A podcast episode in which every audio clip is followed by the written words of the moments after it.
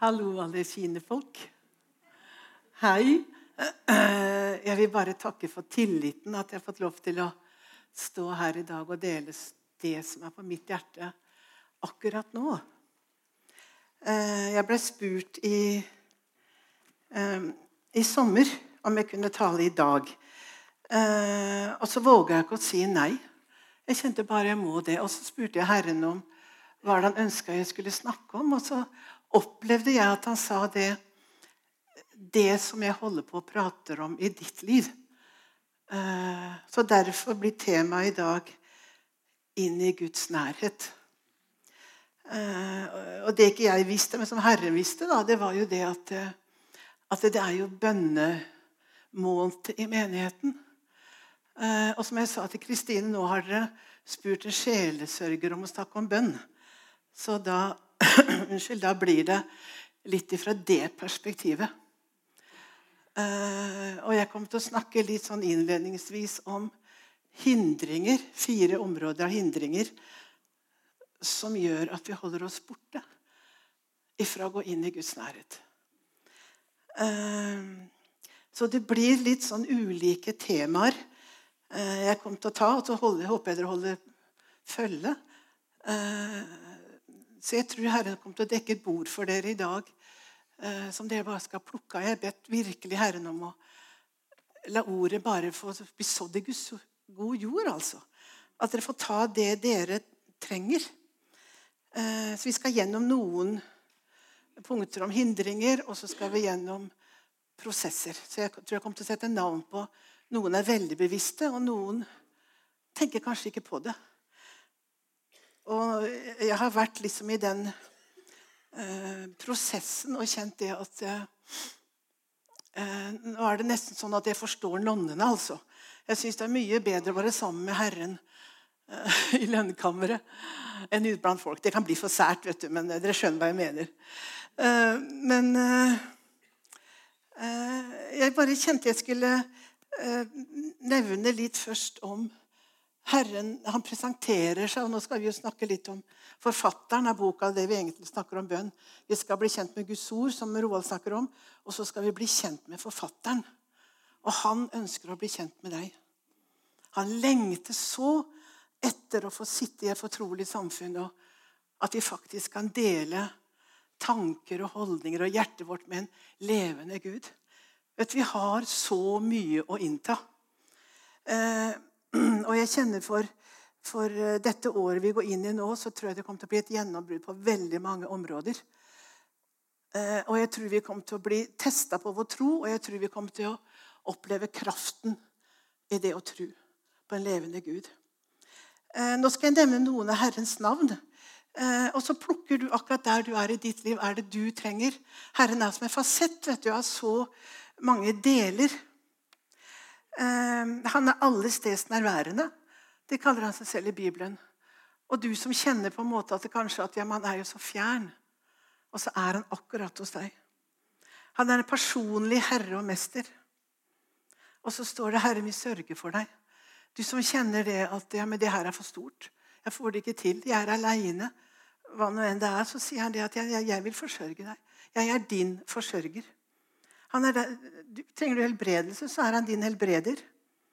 Han er sterk og veldig. Han er den høyeste. Han er nidkjær Gud. Og hvorfor sier han det? Jo, fordi når vi lever på jorda her, så er det så mange områder vi har lyst til å Vi er så opptatt av så mange ting. Og så sier han ja, men jeg er nidkjær. Jeg vil ha den tronen min alene. Så vi trenger noen ganger trenger vi kanskje på nyttår nå også rydde litt i hva det egentlig jeg har fokus på. Eh, han er barmhjertig. Trenger de barmhjertighet?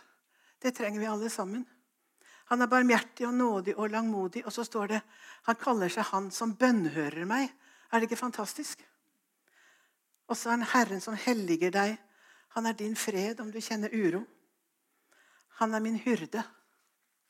Tenk på det, Han er ikke noe sånn eh, som du setter på en sånn mynt, og så får du ut bønnesvaret. Han er din hyrde, han vil lede deg, og straks der så er det noe med en vandring som vi har med Herren. Så det, det jeg skal prøve å snakke på litt, litt min sånn spesielle måte, da, det er å gå fra Guds nærvær. Her kjenner vi lovpriser Herren, så kjenner vi Guds nærvær. Men han ønsker å ha oss inn i sin nærhet. Og da er det steget nærmere, og da er det bare Herren og meg det handler om. Eh, Kristine eh, var nydelig tale sist om, eh, om bønn. og Da snakka hun om et ord som jeg også kjenner på, som det står Gud er trofast.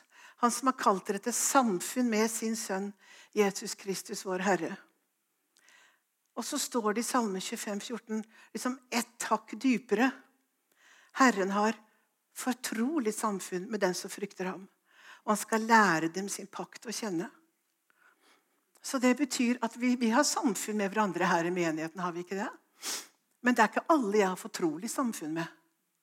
Det ønsker Jesus å ha med meg, og det har jeg med noen av mine nære venner. Kan jeg være veldig nær og fortrolig og ekte, dele tankene mine. Eh, for det er fortrolig samfunn. Og så kom jeg på et lite bilde for det til og med Kristine. Vi kjenner henne nå, altså. Men hvis Kristine skal komme til meg, og så har jeg bakt kake, noe jeg sjelden gjør, da. og så koker jeg kaffe, og så bare venter jeg. Nå skal jeg og Kristine prate. Så ringer de på døra, og jeg liksom klemmer. Men Kristine har ikke tid til det. vet du. Hun går inn. Oi sann, ja. Vil du ha kaffe, Kristine? Nei, det har jeg ikke tid til. Og så drar hun opp eh, en liste. Og så sier hun, Gunn, kan du besøke Hansen og Olsen og så kan du gjøre det sånn og sånn. Og, ja, jeg selvfølgelig Kristine, kan jeg det, men vil du ha litt kake bak til deg? Nei, jeg har ikke tid til det. Og så går hun igjen. Ikke sant? Da har vi delt noen businessgreier, da, eller hva vi skal kalle det for noe. Men det er jo ikke noe fortrolig samfunn. Og sånn er det ofte hvis vi kommer med bønnelista vår. så var det sånn der, Takk for meg, Jesus. Og så, det er nesten så jeg ser ganger at Herren åpner munnen for å si noe, men der er jeg wisps, der er jeg videre. Så han ønsker at vi skal gå inn, og han ønsker at vi skal sette oss ned. og Det er ikke sikkert alltid vi trenger å prate om det heller, men det er å kjenne det nærværet og det at han ser meg. For om ikke jeg kjenner meg akseptert av Herren, og det er så viktig, da søker jeg aksept andre plasser for at noen skal se meg. Og så har jeg den levende Gud som bare venter på at jeg skal komme inn til han. Og det er ikke nok med det, men så står det i Nytestamentet at Jesus sier det er det beste for dere, for oss som er her, at jeg går opp til himmelen, for da kan jeg sende Den hellige ånd. Og Det er jo en måte å kommunisere på som er helt genial. Og den går jo ikke via det kognitive. Det kognitive ikke sant? Det er den mentale funksjonen vi har, hvor vi bruker hukommelsen vår, og vi bruker tankevirksomheten og oppfatningsevnen vår og kunnskap til altså problemløsninga. ikke sant? Men Herren er på et annet plan. Vi må lære oss å lytte mer til Han. Det tar litt tid. Men det er en utrolig god eh, investering. Og nå har jeg fått vann av Roald. Det er flott. Jeg blir jo litt nervøs når man står her, da. Eh, nå skal jeg gå inn på fire punkter som jeg tror på en måte jeg våger, velger at Herren eh, minte meg på disse punktene. Som går på hva er det som gjør at vi ikke går inn. Og det er veldig mange punkter. Men jeg skal ta fire her nå. Og det ene det heter faktisk skam og sår. Det står i Salme 100 at det går inn i hans porter med takkesang, inn i hans porter med lovsang, inn i hans porter med lovprisningsoffer. Men hvis vi sitter med følelse Og jeg sitter som dere vet, en del i sjelesorg, og jeg ser det jo hvor, hvor mennesker som, som, bærer på så mye ting, som kjenner seg så verdiløse. Og den skammen, hva gjør den med oss? Den sier at jeg er ikke bra nok, jeg er for tynn og jeg er for tykk, og jeg har feil sosial status, og jeg har det og det i fortida mi. Det er masse hvor djevelen kan komme det med å legge på oss skam. Eh, og skammen, det binder og knebler oss for å komme inn i Guds plan. Det er én ting, og så skaper han avstand. Den skammen vi bærer på, den kan gjøre at Gunn ikke blir kjent med Gunn. Hvordan kan jeg si det? Jo, jeg får ikke kontakt med følelsene mine. For jeg har så mye skam her. Og skammen gjør at vi får avstand til hverandre. For tenk om hvis dere blir kjent med meg, så vil dere ikke ha noe med meg å gjøre. For det er mye avvisning i den skammen. Så, så det, jeg skulle liksom bare av, avdekke det. For Gud har ikke satt din vakre sjel på denne jorda for at du skal lytte til fiendens løgner og falske, listige tanker. I Josfa 5,9 så sier Herren til Josfa.: Jeg har veltet av dere skammen fra Egypt. Jeg har veltet av dere skammen ifra Egypt. De var slaver i Egypt, så ble de ført ut. Og så sier Herre, nå har jeg veltet av dere. Men noen ganger så tar vi den tilbake igjen, og så pynter vi litt på den, eller så prøver vi å gjemme den, og vi klarer ikke å ta i tur med det.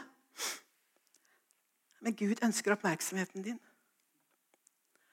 Så de sårene og de skammen de tar vi med inn i lønnkammeret. For vi står at vi skal være med utildekket ansikt. Vi skal komme akkurat som vi er. For det er en som elsker oss så høyt. Eh, og så er det en, et, et, ord som står i Salme 73, 16 og 17, som har fulgt meg dette året her. Altså et, et, et ord.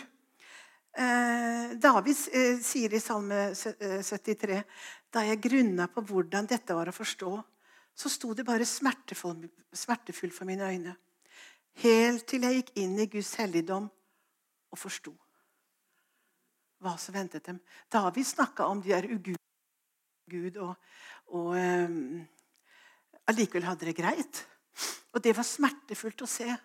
Men så sa, sier Herren du må gå inn i helligdom for å forstå. Og Herren har, har snakka litt til meg om det at Gunn, du må inn og forstå.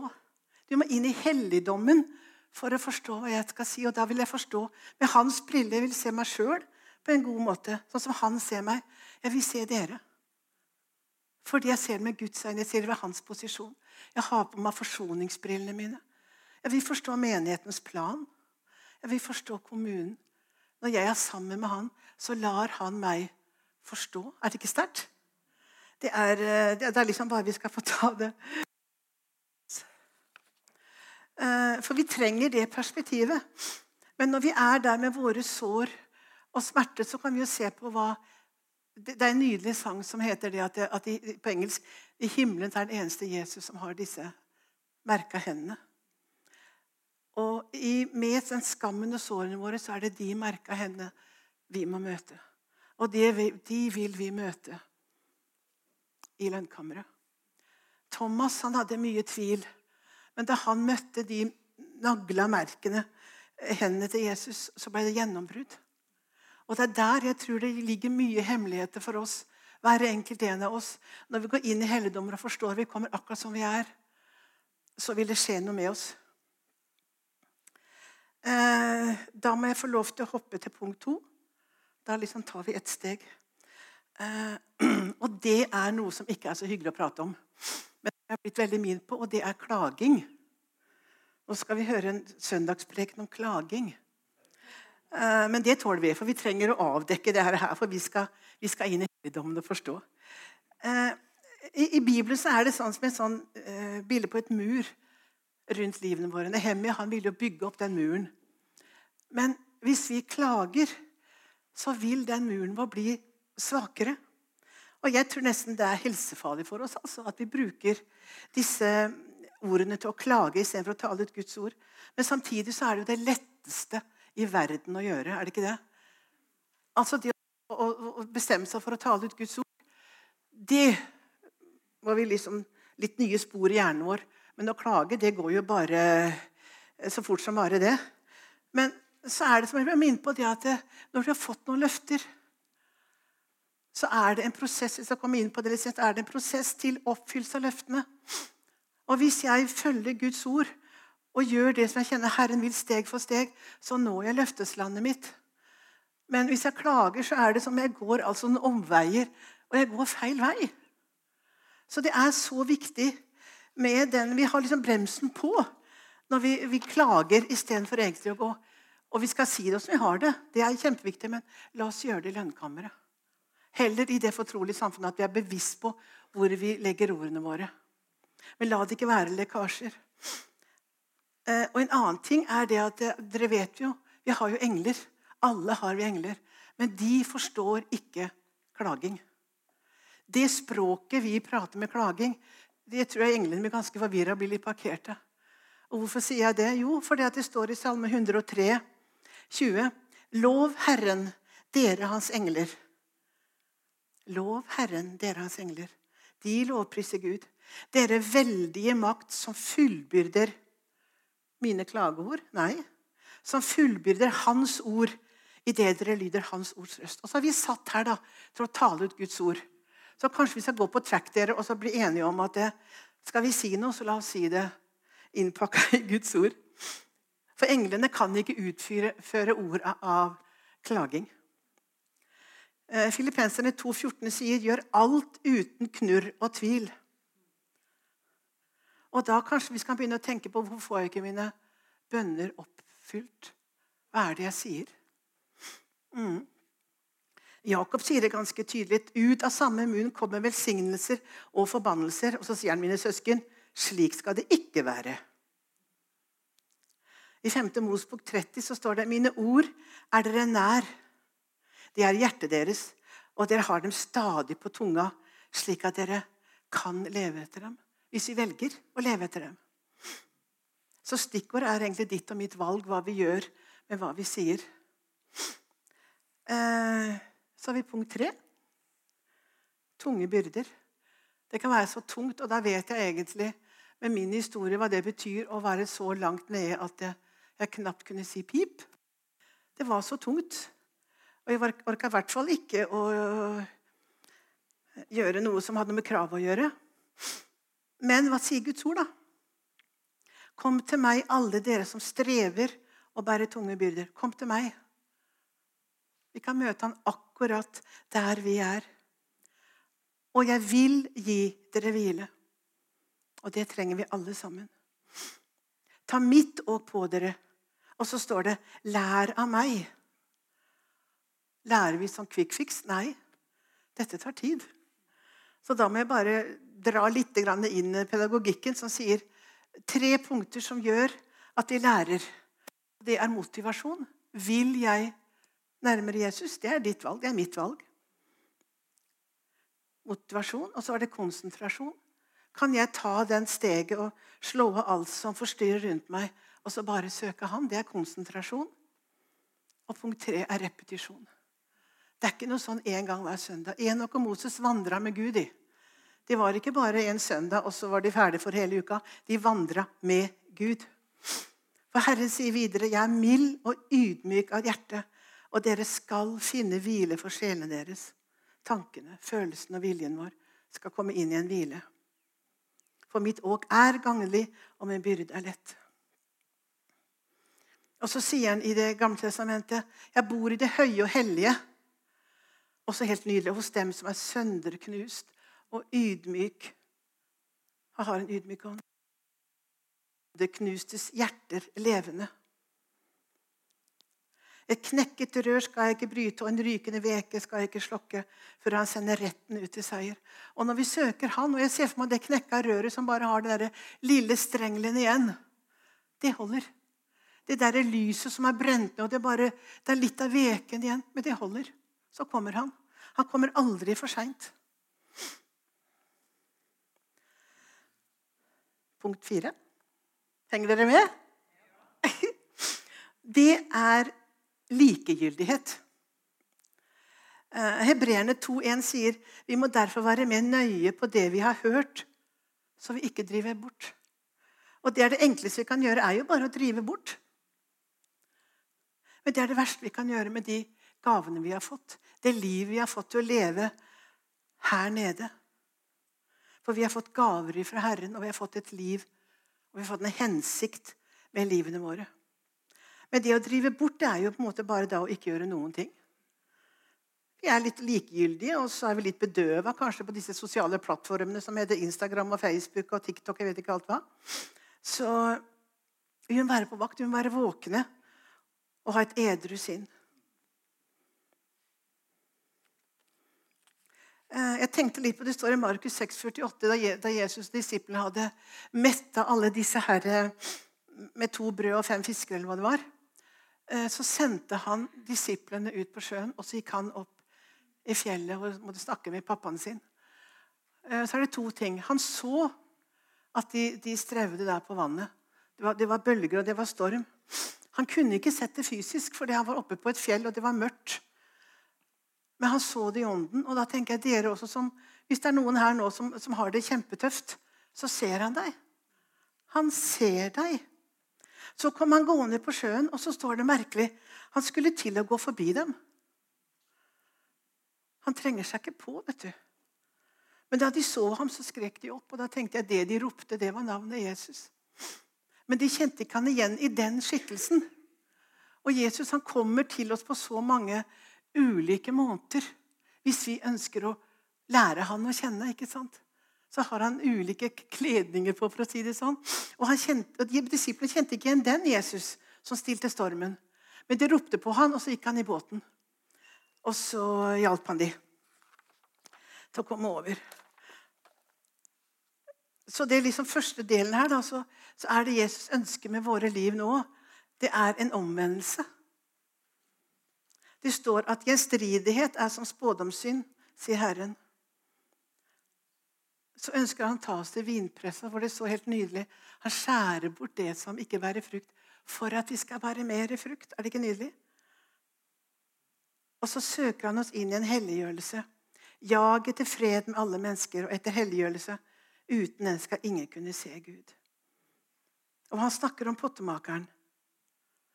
Også i, eh, i Jeremia, hvor han, at vi er som leire. Fordi hver enkelt en har en hensikt med livet sitt. Så han ønsker det at vi skal se på den situasjonen vi er også, med Den hellige ånds ledelse eh, på livet vårt. Og så er det Det er på en måte en betingelse som det står om i eh, Mosebok 28, 5. Mosebok. Om du nøye lyder Herren i Guds røst og tar deg vare, så du holder alle hans bud. Altså Han har en røst. Han ønsker å prate med oss. Og så, Samtidig så er alt fullbrakt i Jesus Kristus som oppfylte loven. Så det er på en måte et dekka bord for oss.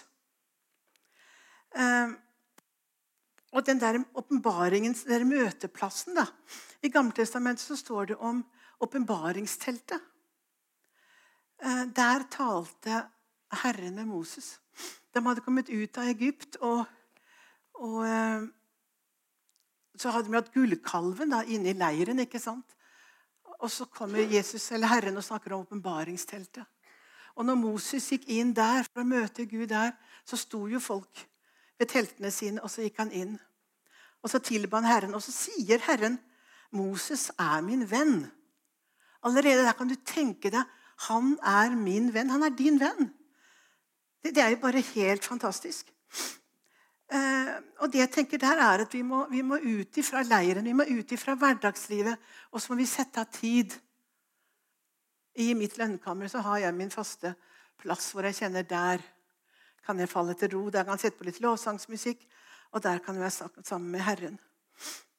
Uh, og det står i Hebreerbrevet 13,12.: Derfor led også Jesus utenfor porten for at han kunne hellige folket med sitt eget blod. La oss derfor gå bort til ham utenfor leiren for å bære hans vanære. Og Der tenker jeg det er også noe med de prosessene vi skal snakke om litt etter hvert nå. For her har vi ingen blivende stad. Vi søker den kommende. La oss derfor ved ham alltid bære fram lovprisningsoffer. Det skal vi også se litt på. Hva er, hvorfor står det lovprisningsoffer? Og det er frukt av lepper som lover hans navn. Og Da Moses gikk inn der, så senka skystøtten seg. Og så talte Moses og Gud sammen.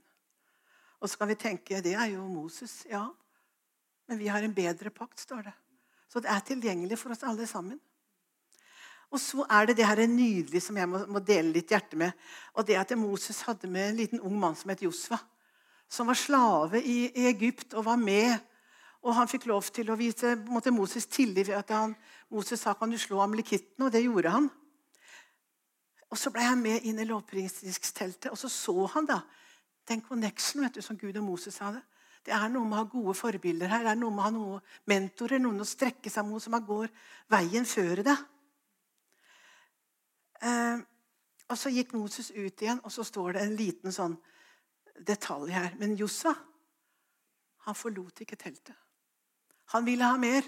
Han var åndelig sulten på å få mer av Gud. Og Det er der jeg kjenner vi må, være, vi må beskytte hjertet vårt. dere. Og når vi har fått noe, så, så la oss være litt ivrige. Da. La oss ikke være så veldig norske og frolendinger og østlendinger og sørlendinger. Men la oss bare tenke Gud, jeg vil ha mer. Jeg vil ha mer av deg. altså. Herren elsker det, vet du. Han står jo og venter. Um, og så Det her var i andre Mosbok, og så kom jo femte Mosebok. Så sier Herren til Moses, 'Se, din dødsdag nærmer seg.'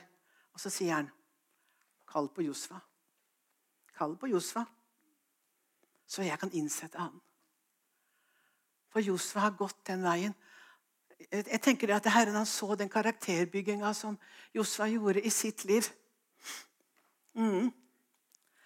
Og Det står jo i, i Matteus 6,6.: Men du, når du ber, gå inn i lønnkammeret ditt. Og når du har lukket døren, så skal du be til din far som er i det skjulte. Og din far som er i det skjulte, skal lønne deg åpenlyst. For Josfa, da, som er boka etter disse Mosebøkene, så, så sier eh, Gud til Josfa min tjener Moses er død. Derfor skal du bryte opp Josfa og gå over den Jordanelven. Og Herren i Gud skal være med deg overalt hvor du går. Men det begynner i det skjulte. Det begynner meg og Jesus før jeg kan gå. Og det er det Herren så med Josef. Han, han begynte i det skjulte, og så ble han en kriger. Og det lærer oss noe med at det skal vi kjenne store ting i livene våre, så la oss begynne i det skjulte med Herren. For Gud lengter og venter så etter å bli mer kjent med deg og meg. Han ønsker det fellesskapet. Det er et sånt, sånn, kanskje et sånt dumt eksempel, men en far og en sønn som bor sammen. Så sier far nå har er blitt mer kjent med sønnen min. Og så kan du tenke jeg er mer kjent, dere bor jo sammen. Men hva betyr det å bli mer kjent? Da er det på en måte tenker jeg, tidligere barrierer og tankemønstre som har brutt. Da betyr det at de to respekterer og lytter mer til hverandre. Og de vandrer sammen. De har opplevelser sammen. Ifra nærhet. Ifra nærvær og inn i, i nærhet. Så vil jeg si litt om eh, lovprisning. Dere får bare tilgi meg at jeg er så direkte. Altså. Men jeg har levd en stund, så jeg, jeg har gått alle de her veiene. Jeg har ikke kommet så langt, men jeg prøver. Eh, vi har noen nydelige lovsangere her i menigheten. Det er helt fantastisk, for Gud har gitt oss av ressurser når det gjelder lovsang og lovprisning. Eh, og da har vi et valg. Vi kan tenke sånn Nå er det engelske sanger. Det skjønner ikke jeg. Jeg vil ha norske. Nå er det norske sanger er det mye mer kult med engelske. Jeg syns det er altfor dårlig lyd. Jeg hører ingenting. Hvorfor har de lyden så høyt? Og så er det jo feil sanger. Kan vi ikke ha noen lovsang eller kan vi ikke ha det eller det? Og så bruker vi ikke tilfellet til å sitte sammen og lovprise med hjertet vårt. Det her er duka bord hver eneste søndag. Og jeg tenker det er litt sånn at jeg får lov til å snakke litt skarpt til oss, for jeg er med i det. For jeg kan også sitte, altså Vi er ikke perfekte, men vi må bare prate litt sammen om, om, eh, om det her, tror jeg. At det er lov å sette ord på det. For Herren sier det at han ser ikke som en menneske ser. For mennesket ser på et ytre, men Herren han ser på hjertet. Ikke sant? Eh, og Når vi snakker om lovsang, hva er det det står om lovsangsoffer? Eh, og Offer det kommer av det greske ordet 'tusia', og det betyr å drepe eller slakte med en hensikt. Og hva har det med lovsang å gjøre? Jo, kanskje det faktisk har noe med at når vi står der i lovprisningen, så dreper vi stoltheten vår, kritikken vår, frykten vår, sløvheten vår. Tenk om noen ser, for jeg elsker å stå sånn, tenk om noen ser og syns jeg er rart. Så tenker jeg det har ikke jeg noe med. Hvis jeg ønsker å lovprise Herre med hendene oppe, så gjør jeg det innenfor Jesus med hjertet.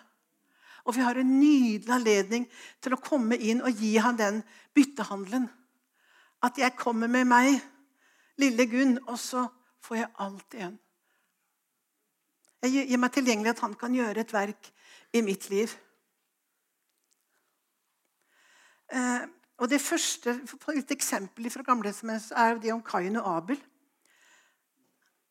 det, det er jo, jo, eh, barna til Adam og Eva. Og Adam og Eva de hadde jo vandra med Gud i hagen, så de hadde lært dette med ofring allerede der. Og Abel han bar førstefødte lammet, det som betydde noe for han. Det som de skulle leve av. Han ga det førstefødte lammet. Mens Kain bare ba, gav noe av grøden som var til overs. for å si sånn, Det vet vi ikke så mye om, men det var ikke velbehag for Herren eh, litt inn på kjenner jeg det her med hva som skjer når vi går inn i helligdommen. Og da bare snakker jeg litt ifra mitt, mitt liv. Og det er at jeg opplever at Gud sier at jeg er nok. Er det ikke nydelig? Og jeg er god nok.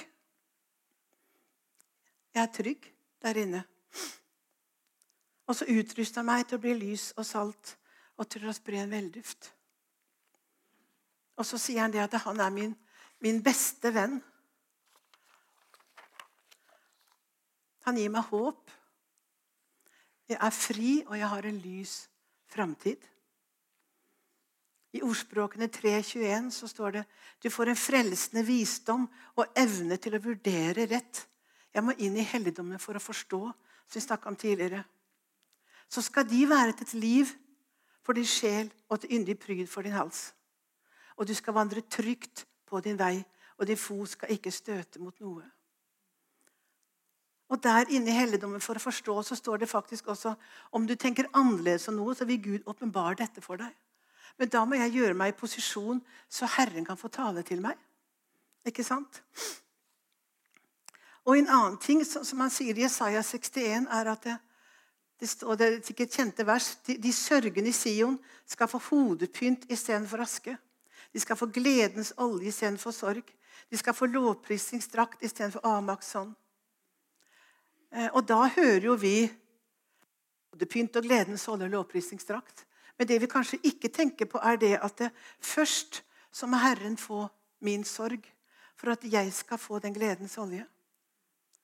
Jeg må gi han inne i lønnkammeret min avmaktsånd for at han kan kle meg med lovprisningsdrakt. Så han sier egentlig det 'gi meg asken din' der inne i lønnkammeret. Gi meg asken din. Det som ikke er fått til, det som bare er brent helt ned, som ikke jeg får til noen ting, som ikke jeg kjenner noe mestring på. Gi det til Herren. Eh, det var en, det var en kvinne som, som eh, ba veldig mye, og så var det en som spurte hva får du av Gud ved å be regelmessig. Så sier kvinnen vanligvis får jeg ikke noe konkret noe å ta på. Men tvert imot sa hun, så smilte hun og sa så mister jeg stoltheten min. Jeg mister arrogansen min, jeg mister grådigheten min, jeg mister trangen og lysten som kjøttet mitt har. Jeg mister smaken av synd og gleden over å lyve. Jeg mister utålmodigheten min, fortvilelsen, motløsheten min og dømmesyken min. Og Det er så nydelig at vi kan legge av oss dette her i lønnkammeret. Eh, altså Bønn egentlig, det utdanner oss, det styrker oss, og det leger oss. Det er ikke noe sånn utgått dato når det gjelder bønn. Vi har tilgjengelig eh, i hans nærvær hele tida. Og der, i det lønnkammeret, så vil Herren kanskje peke på ting i livet ditt. Kanskje blir, Han og jeg snakker om ting som jeg ikke nesten klarer å se sjøl i mitt eget liv. Men der inne er det trygt. Der er det et fortrolig samfunn hvor jeg kan bli mer kjent med meg sjøl også. Og så kommer dette her med takknemlighet og, og lovprisning. Gjennom at jeg lovpriser Herren, så gjenopprettes på en måte freden min på innsida.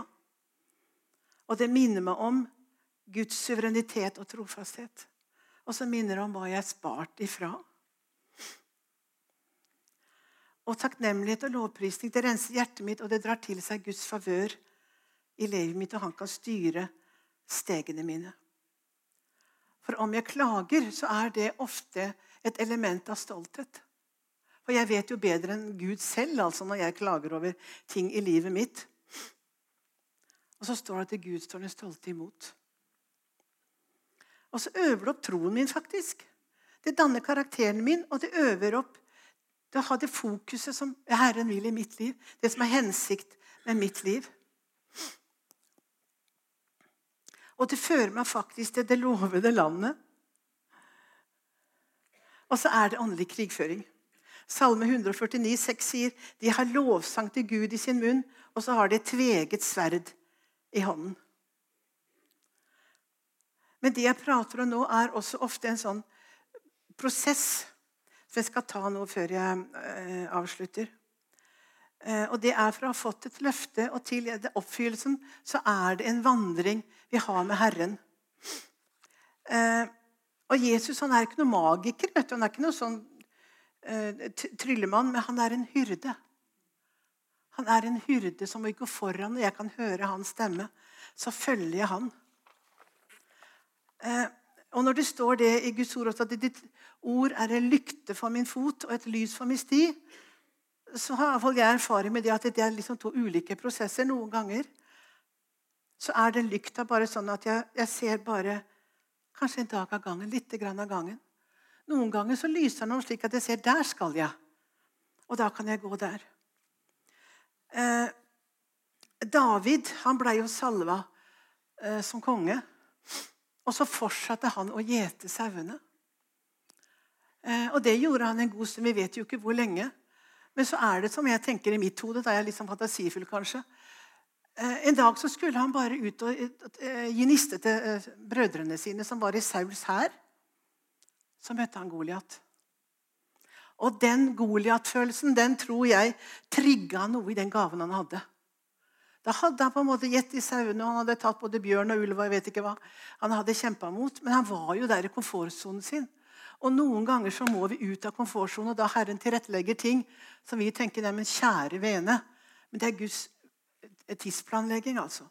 Da må du ta det steget ut i tro, og, og det gjorde David. Ja vel, han skulle bli konge, men nå var han jo blitt sånn kriger. Og så ikke nok med det, så ble Saul sjalu, så da havna han i grottene og i hulene. og og hva var det som, som, gjorde at David kom fram i sin prosess? Det var det at han stolte og han hadde tro på det Gud hadde sagt. Så har vi Ruth, som eh, havna i åkeren til Boas. Som kom ifra Det begynte med hungersnød og død og tap. Og, og i en fase i livet så arbeida hun på åkeren. Og så kom hun inn og ble gift med eieren av åkeren. Så har vi Morderkai som satt utenfor palasset. Han skulle redde jødene, han. Og så endte det med at han fikk en fin og stor posisjon og ble fremstående inne i palasset. Gud viser så mange eh, eksempler på prosesser i livene våre at vi skal ikke bli forundra at det går ikke alltid bare sånn straka veien. Josef, da, som drømte om storhet. Så ble han solgt. Så kom han i fangehullet. Og så ble han satt til å styre hele, eh, hele Egypt. Men det vi må, det er inn i helligdommen for å forstå. Vi må inn til Guds hjerte for å forstå. Og Jesus, selv om han var sønn, lærte han lydighet ved det han led. så står det vers lenger ned Fast føde for dem som er modne. Dvs. Si for dem som gjennom bruk har trent opp sansene sine til å skjelne mellom godt og vondt. Og Det er Herren ønsker med oss. Han ønsker å trene oss til å bruke det og til å, å eh, bli mer lik Han, egentlig. Og denne gavene vi har fått, de er gratis. Men karakterdannelsen vår og forvaltning av gavene, det, det koster oss noe. Da har vi bare sett på de andre eksemplene her også. Uh, nå kjenner jeg at jeg har holdt på lenge nå. Er det veldig bra? Takk! Tenk så nydelig å være sånn menighet som det her, altså. Eh, da skal jeg, skal jeg, begynne litt altså på slutten her, da. Uh, hvor jeg skrevet 'fra løfte til oppfyllelse' er en prosess. Om du tar til deg et løfte fra Gud, men ikke gir deg til prosessen Gud har for deg for å nå ditt løftesland, og du ikke blir overgitt til Gud, så blir du bedratt. Da tror du det bare er noe du kan holde på med, men det er på en måte en slags dødsprosess. Og så er det fullstendig herlig. Men, men det er en prosess som vi ikke må, vi må ikke gi opp. Når Herren har gitt et løfte, så har han en vei fram til det løftet du har fått. Og så kan du ikke manipulere Gud. For det står at lydighet er bedre enn offer. Han har kontroll. Og det er alltid betingelser med et løfte. Lydighet til hans vei. Og løftene i Guds ord er gitt for å undervise, advare og rettlede til et liv i lydighet og wow overflod. Ikke sant? Eh, nå lurer jeg på om jeg kan be disse nydelige lovsangerne komme opp. Fordi Jeg skal lese ett ord, og så har jeg lyst til at eh, jeg snakka med Anita. At når vi synger den sangen nå, så nå har det, håper jeg og tror at det har berørt noen av dere. Så løft opp det der umulige som er i livet ditt. Og så skal vi, når vi synger nå, så skal vi tale til det fjellet av det som er i ditt liv, som du kjenner det her får jeg ikke til. Det må vekk, men det, jeg får det ikke til. Så bruker vi Guds ord, og så synger vi og proklamerer det. Um, Efeserne 1, 17-19. Jeg ber om at vår Herre Jesu Kristi Gud, herlighetens Far, må gi dere, må gi oss, visdom, åpenbaringsånd i erkjennelsen av Ham. For at deres forstands øyne blir opplyst, står det i Efeserne.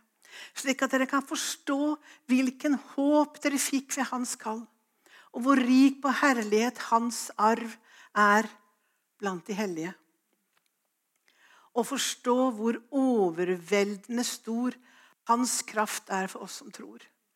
Etter virkning av hans mektige kraft. Så da har da har vi områder i livet vi tenker jeg må gå videre, men det er det her som stenger. Og da overlater jeg ordet til disse nydelige folka der.